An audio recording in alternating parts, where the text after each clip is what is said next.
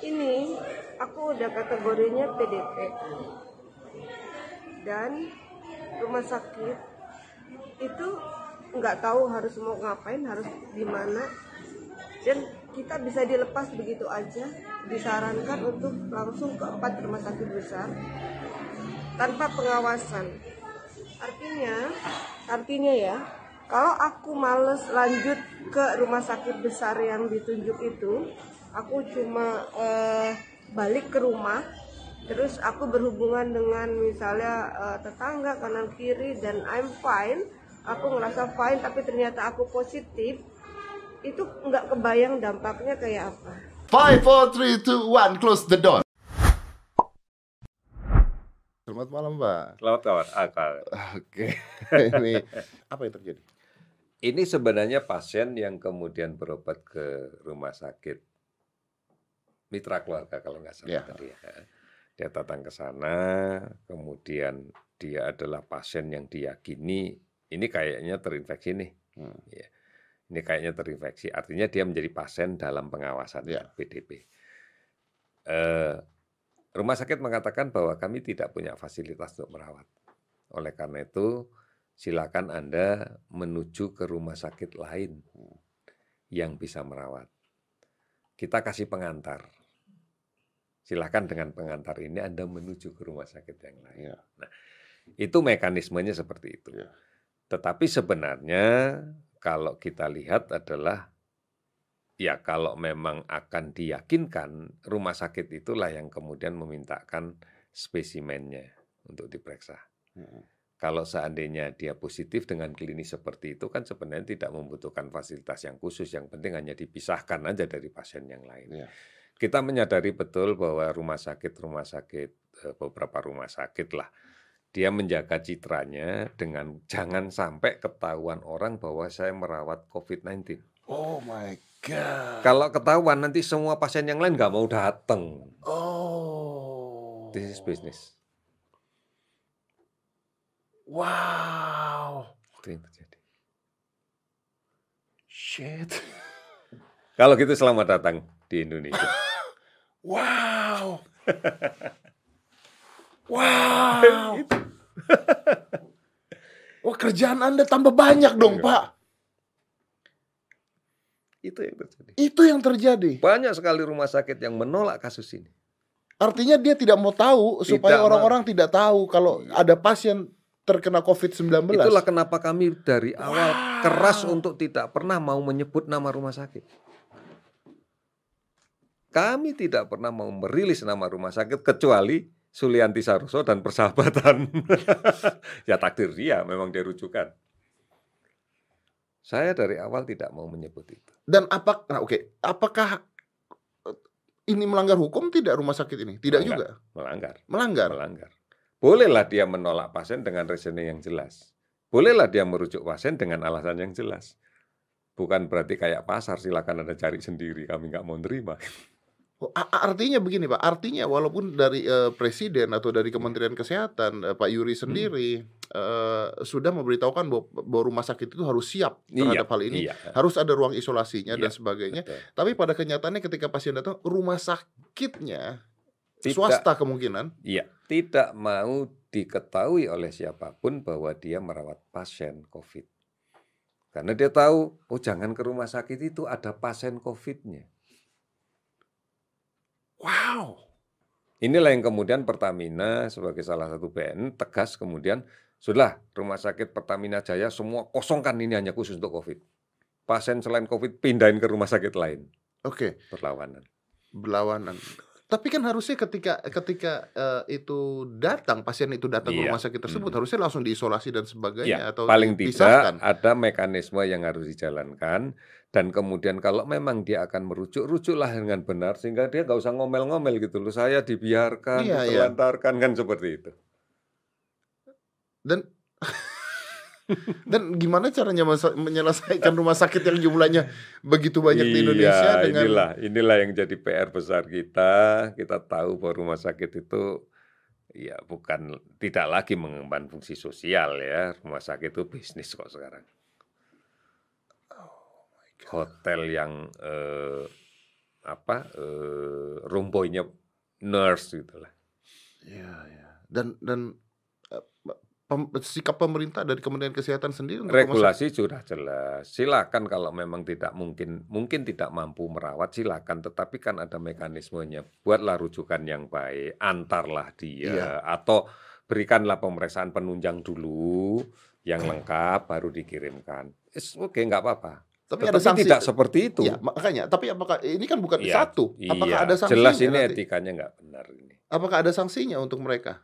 Kita akan berbicara dengan asosiasi rumah sakit ada asosiasinya kan.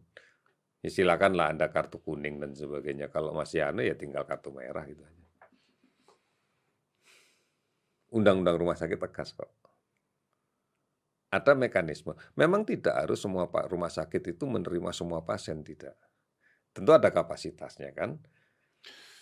Misalnya ada rumah sakit didatangin oleh kasus bedah dan dia tidak punya dokter bedah, is oke, okay. silakan dirujuk ke Ya, tempat lain. tapi kan Tapi ini ada bencana, Pak. Ini kan betul. bencana. This is- ini kan Betul. bukan bukan masalah usus buntu, Iya. Pak. Ini kan- Ini ini masalahnya adalah prosedurnya yang tidak elegan.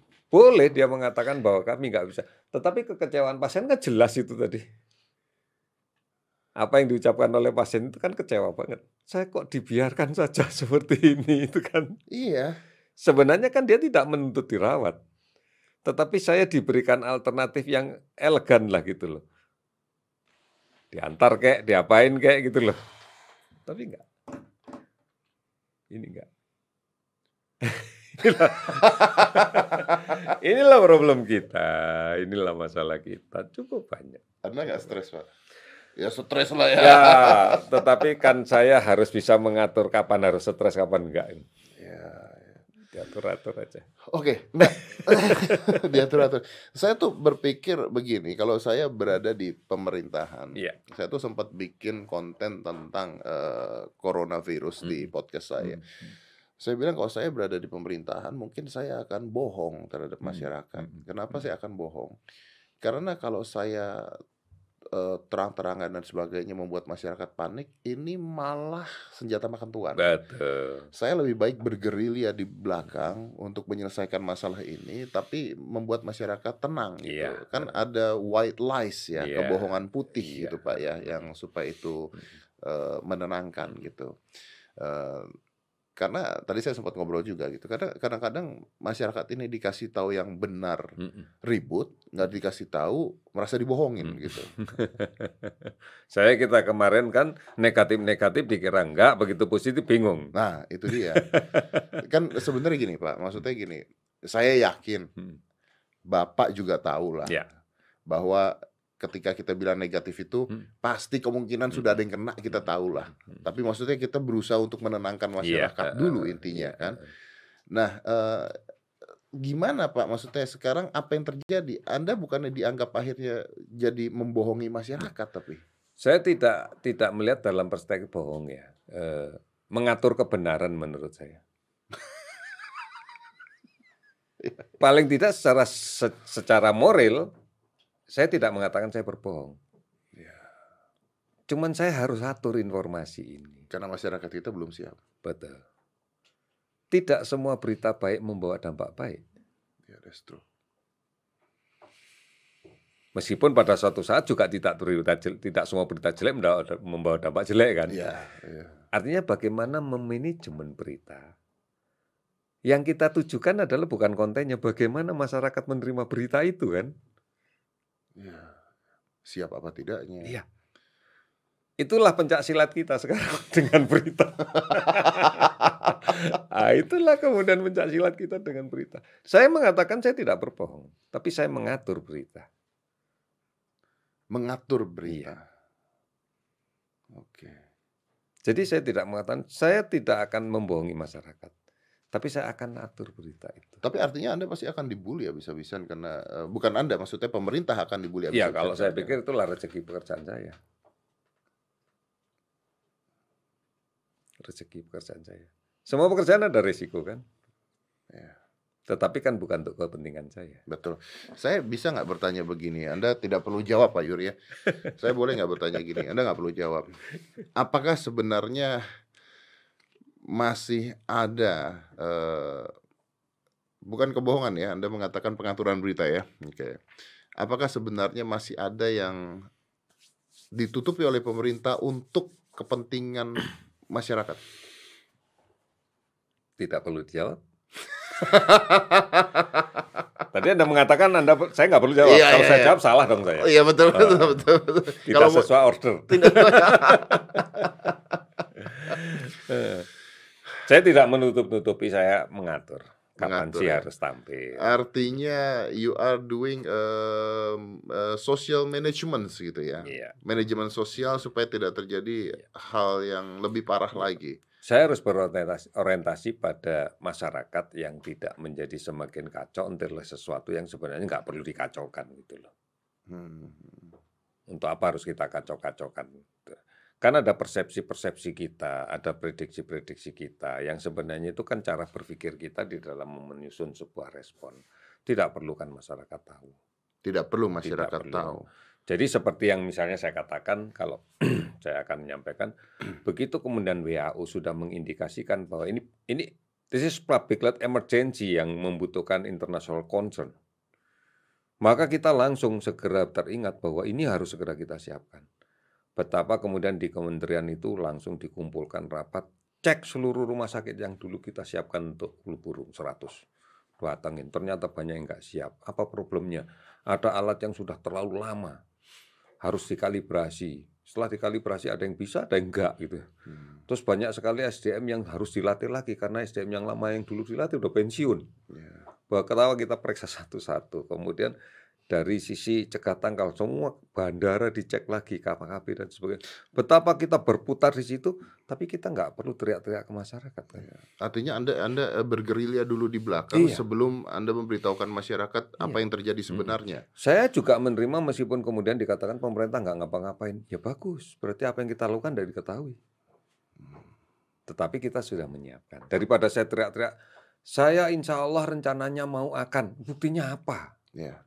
Ya. Insya Allah rencananya mau akan. Terus mana yang dikerjakan nggak ada? Iya, tapi kan ini pe- penuh tekanan dari luar negeri seperti Iya, Australia dan betul, sebagainya mengatakan bahwa pemerintah Indonesia berbohong menutupi Iya, dan uh, uh. sebagainya. Nah, artinya dia bagian dari masyarakat yang tidak tahu kan. Dan saya tidak merasa tertekan. Meskipun dia merasa nekan, aku nggak merasa ditekan. kok. Aku bekerja. Tidak perlu saya pamerkan. Saya kan diajari orang tua saya pada waktu saya kemudian mau sekolah, mau kuliah butuh duit. Tidak perlu orang tua saya cerita bagaimana sulitnya mencari duit untuk saya. Udahlah, orang tua bekerja, ya ini duitnya. Nah, sementara segini. Hmm, Supaya saya masih melihat wibawa orang tua saya. Oh, pantas saya masih bangga saya dengan orang Ya, tua ya, saya. ya, ya. Artinya memang pengaturan berita ya untuk masyarakat juga Iya. itu itu kan dilakukan kan. Supaya trust dari masyarakat tetap ada. Apakah ini juga termasuk seperti eh, Pak Budi? Ya ini kan manajemen secara besar dari sebuah tata kelola negara ya. Tata kelola negara seperti itu. Ya, ya. Maksudnya eh, kapan untuk diberitahukannya ke masyarakat Iya. harus ada manajemen waktunya Iya. gitu. Saya tidak perlu bercerita bagaimana saya jungkir balik cari uang untuk anak saya kan. Untuk kepentingan sekolah dia kan. Cuman saya mengatakan dia hemat ya cari duit itu susah. Tidak perlu kemudian dia saya menceritakan bahwa saya harus begini harus begini. Tapi ap- tapi apa yang apa yang membuat eh, dari pemerintah atau dari Anda sendiri apa yang membuat mengatakan bahwa ini saatnya? Contohnya ketika Pak Pak Budi ya, Ya. eh, Hmm, Kemenhub, hmm, eh, Menhub. Kebetulan kebetulan Hmm, Pak, hmm. saya cukup dekat dengan beliau. Iya. eh, gitu. eh, eh. eh saya sempat WhatsApp beliau tuh tidak ada kabar gitu. Jadi centangnya cuma satu gitu, Pak. Waktu beliau belum, sakit. belum kebaca. ya belum kebaca gitu. Saya sampai sempat ngomong dengan beliau tuh chat saya masih ada gitu, chat saya masih ada. Eh eh, apa kabar, Pak gitu. Hmm. Are you okay gitu, Hmm, Pak ya. Eh, saya udah mulai curiga nih, kayaknya kenapa gitu ya. Saya kebetulan di dalam konteks ini sering bersama beliau. Ah, oke. Dimulai sejak menjemput di Wuhan. Menjemput Wuhan ini kan karena membutuhkan penerbangan udara dan sebagainya. Kemudian terakhir di Kertajati Iya. yang menjemput Iya. kedatangan dari Damen. Saya selalu bersama beliau. Saya lihat beliau bekerja luar biasa kerasnya. Eh, saya tahu beliau sangat capek, tetapi karena tanggung jawab lah, maka beliau juga harus bekerja dengan eh, tanpa lelah dalam tanda petik dan kemudian pada waktu harus menyambut mereka. Bagaimanapun juga ini kan bukan masalah menterinya saja, ini kan mewakili negara juga. Iya, iya.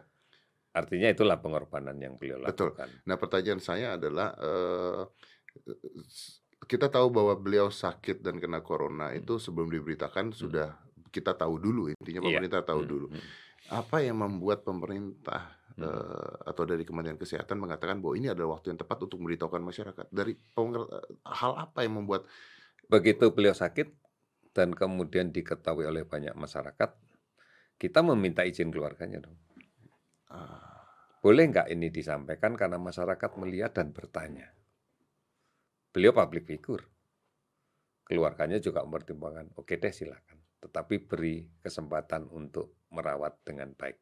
Artinya tidak menjadi heboh dalam arti, oke deh semua tahu, tapi nggak usah kemudian berduyun-duyun sehingga membuat beliau tidak bisa istirahat. Keluarganya, oke, tetapi saya tidak bisa ngomong sendiri ya, saya tolong diwakili saja. Pak Pratik waktu itu mencek menceknek yang kemudian menyampaikan ke media. Karena bagaimanapun juga kita harus menghormati tentang privilege pasien kan. ya Kita tidak akan pernah mengungkap sepanjang itu tidak diberi kewenangan oleh keluarganya. ya Jadi seandainya beliau tidak keluarganya tidak berkenan untuk mengungkap ya kita tidak akan ungkap sama ya, sekali. ya, saya- Sehingga menimbulkan pertanyaan besar yang yang sama-sama kita tahu. Iya. Nah, dengan penyebaran coronavirus seperti ini atau COVID-19, Hmm. Pak, artinya, artinya, Hmm. amit-amit, Pak ya, artinya seorang presiden pun bisa kena. Bisa. Kenapa tidak? Justru itulah maka kita jaga. Tapi kan begini, Pak ya, amit-amit, Hmm. dijaga bagaimanapun kemungkinan bisa kena. Iya. Mm. Apakah pemerintah kita tuh sudah berpikir sampai sejauh itu? Ya. gitu? Sudah, Itulah sekarang rapat kabinet online semua. ya. Dan kemudian kita meminta beliau tidak usah salaman dengan siapa pun. Dan kita meminta bahwa rapat kabinet dilaksanakan di ruang yang lebar. Hmm. Dan kita juga meminta eh, bahwa orang yang berada di sekitar beliau betul-betul orang yang eh, bersih dalam konteks penyakit. Oke. Karena setahu saya tes COVID-19 itu hari ini dites Hmm. negatif, besok bisa kena kan? Betul, ini kan berproses ya. Ini kan proses kan. Berproses. Nah, ibaratnya begini, kalau kita mau bargaining itu, eh, seseorang begitu kemasukan virus, katakan kita bilang saja satu, satu gitu ya, belum tentu dia sakit. Belum tentu sakit. Karena setelah virus ini bisa bereplikasi, katakan bisa harus jadi 10, baru dia sakit. Baru muncul panas, Hmm. baru muncul batuk. Nah, satu saat akan masuk ke tubuh seseorang, dan orang itu memang memiliki daya tahan tubuh yang baik. Hmm. Virus ini nggak sempat jadi 10, bertahan di 4, 5, 6, Dan tidak 4, jadi 5, 6, nggak pernah sakit. Tapi dia bisa menjadi indung. Dia membawa. Dia bisa menyebarkan ke Betul, orang lain. Oke, betul. Oke baik. Nah, eh, kenapa eh, di berita hari ini eh, Presiden mengatakan saya sudah tes? Tanya aja sama ingat tes hasilnya. Kenapa tidak langsung Presiden mengatakan saya negatif? Pertanyaannya adalah, Pak, bagaimana hasil tesnya para menteri? Ah, Jawaban presiden tanya aja sama yang dites. Bukan pertanyaan ke Pak, bagaimana Bapak? beritanya itu loh. Iya, Tapi berita yang keluar adalah itu. saya ada di situ kan. Tapi Bapak tahu nggak berita yang keluar itu? Saya ada di tempat itu waktu beliau mengatakan. Karena berita yang keluar adalah Bapak Presiden mengatakan hasil tes saya tanya aja sama yang ngetes. Hasil tesnya tanya saja pada yang ngetes. Dan kita sudah mengatakan dari awal, ini kan general check up. Bukan pasien. Hmm. Maka saya tidak punya hak untuk mengungkap. General check up hasilnya diberikan kepada yang di check up. Hmm. Ini loh hasilmu. Oke. Kalau ini pasien diserahkan ke saya karena saya dokternya. Ya. Ini Tapi kan beda. akan membuat pertanyaan apakah eh, apabila Bapak Presiden terkena, apakah pemerintah akan jujur? kembali lagi bahwa kita harus mengelola berita. Ya, tidak semudah itu intinya ya. Iya. ini figur negara. Ya, di situ aja Donald Trump saja pada saat itu menolak untuk diperiksa. Boleh mengatakan menolak, tapi sebenarnya kan juga diperiksa. ya, Satu sisi sebagai manusia kita harus melindungi kan, dan harus dengan data objektif. Masalah kemudian dia mengatakan bahwa dia menolak diperiksa itu kan bahasa aja. Karena bagaimanapun juga kita tetap harus menjaga negara ini dan figur-figur negara. Ini bukan sesuatu yang kemudian kita anggap sepele, ini penting. Ya, ya. Ini penting. Kalau sudah sebuah seorang pimpinannya sudah dalam keadaan sakit, pasti yang dipimpin juga moralnya turun juga dong, dan juga dong. Ya, betul. Tapi kami meyakini oh presiden sehat karena kita jaga. Oke, saya kok merasa bahwa eh, masyarakat kita atau pemerintah yang kurang sosialisasi kepada masyarakat kita. Saya kemarin, saya kemarin eh, ke Pekanbaru, Pak. Mm-mm. Kebetulan saya ada seminar karena saya Mm-mm. sudah kontak tiga bulan yang Iya, lalu. eh, Saya mau cancel tidak bisa karena ada kontraknya dan Mm. Pemkot daerah tersebut masih memperbolehkan masih untuk mengizinkan berkumpul pertemuan. pertemuan sebesar 1.500 orang. Mm. Di opening Mm. seminar saya mengatakan bahwa ini Jakarta sudah ribut Hmm. lockdown, Hmm. sudah ribut Pak Anies Baswedan ngomong Hmm. begini-gini. Hmm. Saya saat ini bertemu dengan 1.500 Hmm. orang di depan saya, walaupun saya tidak mau bertemu salaman dan Ya, sebagainya. Tenang-tenang aja. Eh, anda tenang-tenang saja, Anda ini pede, Anda ini orang-orang yang pede. Terus saya bilang lagi, tapi masalahnya pede dengan tolol agak beda tipis. saya, bercanda seperti itu. Mereka ketawa karena itu candaan, Pak ya. Iya, iya. Itu candaan. Tapi eh, yang jadi masalah di sini adalah ketika saya juga ke airport dan sebagainya, saya melihat ada orang-orang di sana eh, si petugas airport ya, petugas airport Hmm. yang sebenarnya tidak perlu pakai masker, dia pakai masker. Hmm. Contohnya seperti itu. Hmm. Masih melihat petugas airport yang ketika memeriksa eh, apa namanya badan itu Dan masih langsung. megang-megang dan sebagainya. Nah, ini apa yang terjadi? Kenapa kenapa bisa pemerintah tidak bisa nyampe ke mereka bahwa ini tidak seperti ini gitu? Ya, eh, ini salah satu dari luasnya negara kita, Sabang sampai Merauke, bagaimana disparitas itu muncul bukan hanya di dalam konteks infrastrukturnya, bagaimana di konteks dalam konteks dalam bentuk fisik aja sudah kelihatan ya, gitu ya, bedanya macam-macam. Saya juga selalu mencari waktu pada saat pagi hari di perjalanan untuk bisa berkomunikasi dengan Radio Republik Indonesia pada wilayah itu. Saya juga sempat berbicara di Toli-Toli, kemudian eh, di eh, Atambua, kemudian besok pagi jadwal saya adalah dengan RRI, salah satu RRI di eh, Sangihe. Dan saya selalu minta diberi ruang untuk bisa berkomunikasi dengan pendengar langsung. Di situlah saya akan mendapatkan gambaran bahwa message yang kita munculkan di Jakarta itu selalu kita berpikir akan ditangkap orang di daerah seperti persepsi kita menangkap berita itu. Hmm. Sehingga kemudian ini yang membuat bahaya beberapa hal kita menjadikan bahwa blanket policy dengan kebijakan semuanya kena, padahal tidak. Saya katakan seperti di Atambua saja, begitu saya berbicara tentang COVID ini, mereka lebih banyak bertanya COVID itu apa. Terus saya harus bagaimana? Kemudian begitu kita berbicara tentang buah, Pak, kami buah tidak ada di sini. Karena sejak kejadian penyakit itu tidak ada lagi apel dan anggur yang datang ke sini. Jadi persepsinya sudah beda. Begitu kita berbicara masker, mereka mengatakan masker motor aja tidak ada. Artinya ada hal yang beda. Meskipun banyak siaran yang relaynya bisa, bisa nasional ke semua daerah, itu kan message-nya orang Jakarta dengan kondisi kejakartaannya. Sementara di daerah tidak seperti itu kan. Inilah yang kita harus betul-betul jeli. Bagaimana kemudian saya bisa mengatur berita untuk bisa menjawab demand side. Bukan supply side, bukan saya bisa ngomong apa, saya bicara apa. Tapi masyarakat ini butuh apa sih?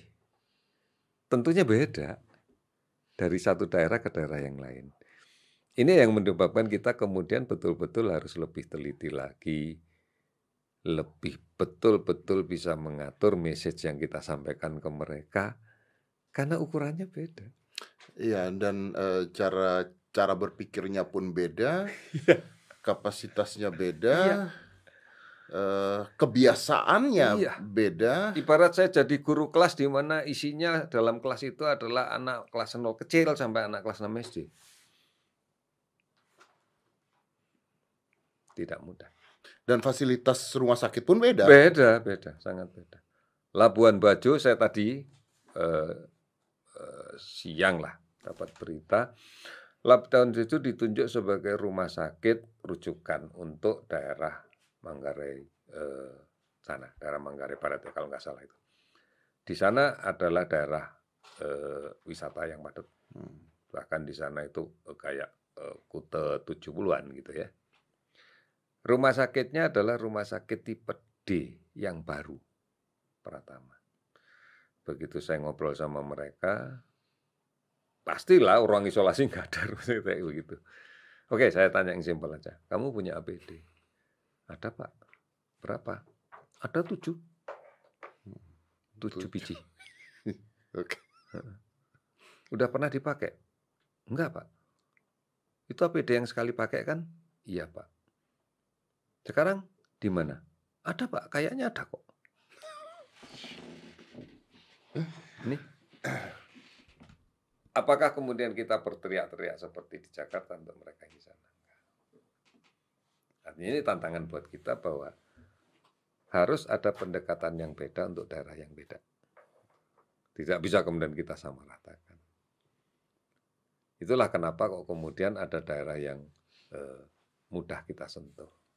Ada yang daerah ini bisa kita gandeng, ada yang daerah harus kita tarik, ada daerah yang harus kita gendong. Ya, ya. Jadi memang 514 kabupaten kota itu tidak sedikit, dan beda melebihi jumlah tak hari dalam setahun. Anda Anda Anda salah negara ngurusin ini, Pak. Eh, asik. Asik ya, Pak ya. asik. Saya kemarin itu sempat nonton sebuah wawancara dengan salah satu orang profesor, saya lupa namanya siapa. Dia ini adalah satu orang profesor di Amerika yang eh, ikut menangani COVID-19 dan berbagai macam virus. Saya lupa namanya siapa, nanti saya cari. itu. Beliau mengatakan seperti ini, Pak. Dan ini cukup mencengangkan ketika saya dengar. Beliau mengatakan gini, eh, keep on washing your hand, tetap cuci, tetap, tetap cuci Iya, tangan, eh, tetap pakai apa namanya eh, hand Hand sanitizer sanitizer, dan sebagainya, tetap lakukan itu. Tapi sebenarnya dia mengatakan, tapi sebenarnya itu tidak membantu banyak tentang penularan COVID-19. Dan ini mengagetkan sebenarnya. Gimana, Pak? Kita tahu bahwa ini infeksi saluran nafas. Berarti virus itu harus masuk ke saluran nafas. Saluran nafas itu terintegrasi antara rongga mulut, rongga hidung dan eh, Mata? mata, konjungtiva mata itu ya. Ini ini ada saluran ductus lacrimalis yang kemudian masuk ke rongga hidung dan. Apa pun cara yang penting masuk ke situ. Bisa saja dengan droplet yang kita hirup. Bisa saja dengan tangan yang kemudian kita masukkan. Apakah betul bahwa di dalam mencuci tangan kita selalu benar? Oke, contoh yang sederhana. Tangan saya udah bersih nih. Udah bersih untuk makan. Pertanyaannya apakah yang saya makan bersih? Nah itu dia. Oke ini saya ingat namanya Michael Osterholm. Coba dicari dia itu siapa? Michael Eh. Osterholm. Nah dia mengatakan, nah ini dia Pak. Misalnya begini Pak. Kita pesan makanan dari Gojek. Kita nggak tahu. Ya, maka sangat sederhana sebenarnya. Oke, tangan kita bersih. Pertanyaannya piringnya bersih nggak? Kalau piringnya bersih, makanannya bersih nggak? Oke, tangan kita bersih, piring kita bersih, makanannya bersih. Ada droplet nggak situ dari yang menjual makanan? Makanya terakhir waktu saya di Kementerian eh, Luar Negeri menyatakan kita tidak bisa berbicara bahwa siapa pun yang rapat orang yang sehat. Tapi coba deh berbicara siapa yang ngelap meja tadi, sehat nggak? Atau oke, saya seorang pejabat misalnya, saya bisa menjaga kondisi saya, saya punya ajudan, ajudan saya bisa jaga. Pada saat kita bekerja, supir kita ke mana? Nongkrong ke warung, ketemu banyak orang. Setelah itu kita dalam kabin yang sama. Dia megang pintu mobil. Dia patutlah katakan di situ. Dalam kabin yang tertutup. Ya, ya saya dapatlah rezekinya. Apalagi kalau airborne. Ya. Artinya eh, beliau juga mengatakan ini Michael T. eh, Osterholm is American Public Health Ya. Scientist, Biosecurity and Infectious Disease Expert, Ya. Director of Center of Infectious Disease Research and Policy, University of Minnesota. Artinya beliau mengatakan bahwa kita cuci tangan sebersih apa pun itu sedikit sekali Hmm. apa Hmm. penahanan ya Hmm. sebenarnya. Kalau kita lihat jejak tadi, Ya iya. ini sesuatu yang sederhana yang sering kita lakukan dan itu berdampak masa.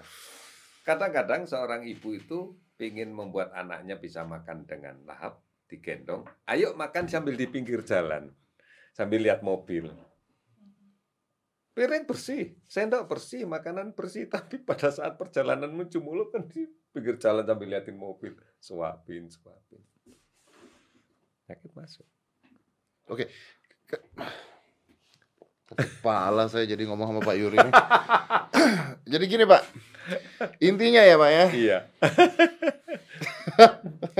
Artinya masalah kita cukup banyak. masalah kita gitu besar. ya. Tapi ini gini Pak, coba saya saya Bukan mencoba untuk me- apa merangkum ya Pak ya. Iya, iya, iya. Artinya gini, kita cuci tangan tetaplah lakukan. Iya. Eh, menjaga kebersihan tetaplah Iya, lakukan. betul. Tapi sebenarnya yang benar-benar harus kita lakukan adalah menjaga imunitas tubuh kita. Iya, betul. Karena apabila imunitas tubuh kita bagus, maka si virus itu masuk, Betul. belum tentu dia berkembang biak di tubuh kita walaupun virus itu masuk ke Iya. Ada di tubuh kita. tubuh kita. Dan meningkatkan eh, imunitas tubuh kita harus Hmm. dilakukan bukan dengan cuci tangan sebenarnya, Iya, bukan. tapi dengan apa? Ada banyak faktor yang berpengaruh. Kita tahu bahwa imunitas itu adalah protein kalau kita mau lihat strukturnya. Artinya bahwa bahan bakunya ada. Asupan gizinya cukup. Asupan gizinya benar. Kemudian yang, ber, yang kedua, makanan bergizi pun tidak akan bisa masuk, eh, tidak akan bisa menjadi suatu protein yang bagus kalau kemudian pencernaannya juga nggak benar. Sistem organ yang membentuknya tidak benar. Oleh karena itu menurut saya kita itu sebenarnya harus punya modal untuk menjadi sehat. Yaitu Di antaranya pola hidup bersih sehat. Karena saya dari awal mengatakan sakit itu bukan takdir. Sakit itu pilihan. pilihan. Ya. Ya karena milih sakit kok, Iya. ya biarin aja. Iya. Karena dia memilih gitu loh. Makanya dari awal kita selalu mengatakan bahwa di dalam life cycle seribu hari pertama itu sesuatu yang penting. Karena di sini pabrik semuanya dibuat itu. Seribu hari pertama kehidupan dimulai dari hamil sampai dia umur seribu hari. Itulah yang Itu modal. artinya Anda bicara tentang lifestyle, Betul. gaya hidup Betul. dari pola makan, pola tidur, Iya. istirahat, mm, olahraga, Budaya budaya. itu dibentuk dari pendidikan. Budaya dibentuk dari pendidikan. Ini yang menjadi penting buat kita. Sekarang kita mengatakan perlu rempah dan sebagainya. Kalau budaya nenek moyang yang sudah ditinggalkan ke kita, masakan apa sih nggak full rempah? Sayur asam full. Bahkan kadang-kadang dikira daging ternyata lengkuas. Iya sering Pak itu Pak. Nah, Rendang juga Pak. Salah, rendang salah juga, iya. gigit Pak saya Pak. Itu full. Tapi karena lifestyle ini dirubah dengan sok modern, makanan fast food yang bumbunya paling banyak garam, lada, micin. Mulai, oh saya perlu rempah, oh saya perlu empon-empon. Ya karena sudah merubah kita. Tuhan itu kan begitu sayangnya sama kita. Sehingga memberikan kekasan pada masing-masing bangsa. Saya tidak pernah mendengar saudara kita yang keturunan Arab hipertensi gara-gara makan daging kambing. Memang dibuat untuk dia. Bukan untuk kita, bukan untuk saya. Genetiknya beda Pak ya. Genetiknya beda. Kalau kemudian disalah-salahkan seperti itu, lah genetik kita itu lah makan beras, nakas, makan nasi, Iya. singkong, ubi dengan segala pon-ponnya. Iya betul. What? Iya. Kalau kemudian kita sudah salah desain, ini kan sama dengan mobil solar diisi bensin. Ya mogok lah, Iya, sehebat betul, apa pun betul, mobil itu. betul, betul. Ini kan juga sebenarnya Pak, ada ada kesalahan yang terjadi Bapak tahu. Saya yakin Anda Hmm. pasti tahu ketika di Amerika dulu di tahun 90 atau 70 atau 80 gitu. 70-an kalau nggak Hmm. salah. Itu ketika mengatakan bahwa fat making you fat, lemak Iya. membuat Anda gemuk dan eh, akhirnya semua makanan jadi low fat di Amerika. Mm, mm, mm. Karena low fat akhirnya sugar ditambahin Ya, dan sebagai kompensasi sebagai energi kompensasi kan. energi dan Eh, akhirnya sekarang Betul. baru saja di baru aja di eh, diketahui bahwa sebenarnya lemak nggak bikin lu jadi sakit nggak bikin lu jadi gemuk tapi gula yang membuat Hmm. Betul. anda menjadi sakit dan menjadi gemuk ini kan sebenarnya akhirnya salah informasi salah desain salah ya salah semuanya Iya akhirnya betul. Oleh karena itu pengetahuan menjadi penting. Pengetahuan menjadi penting. penting.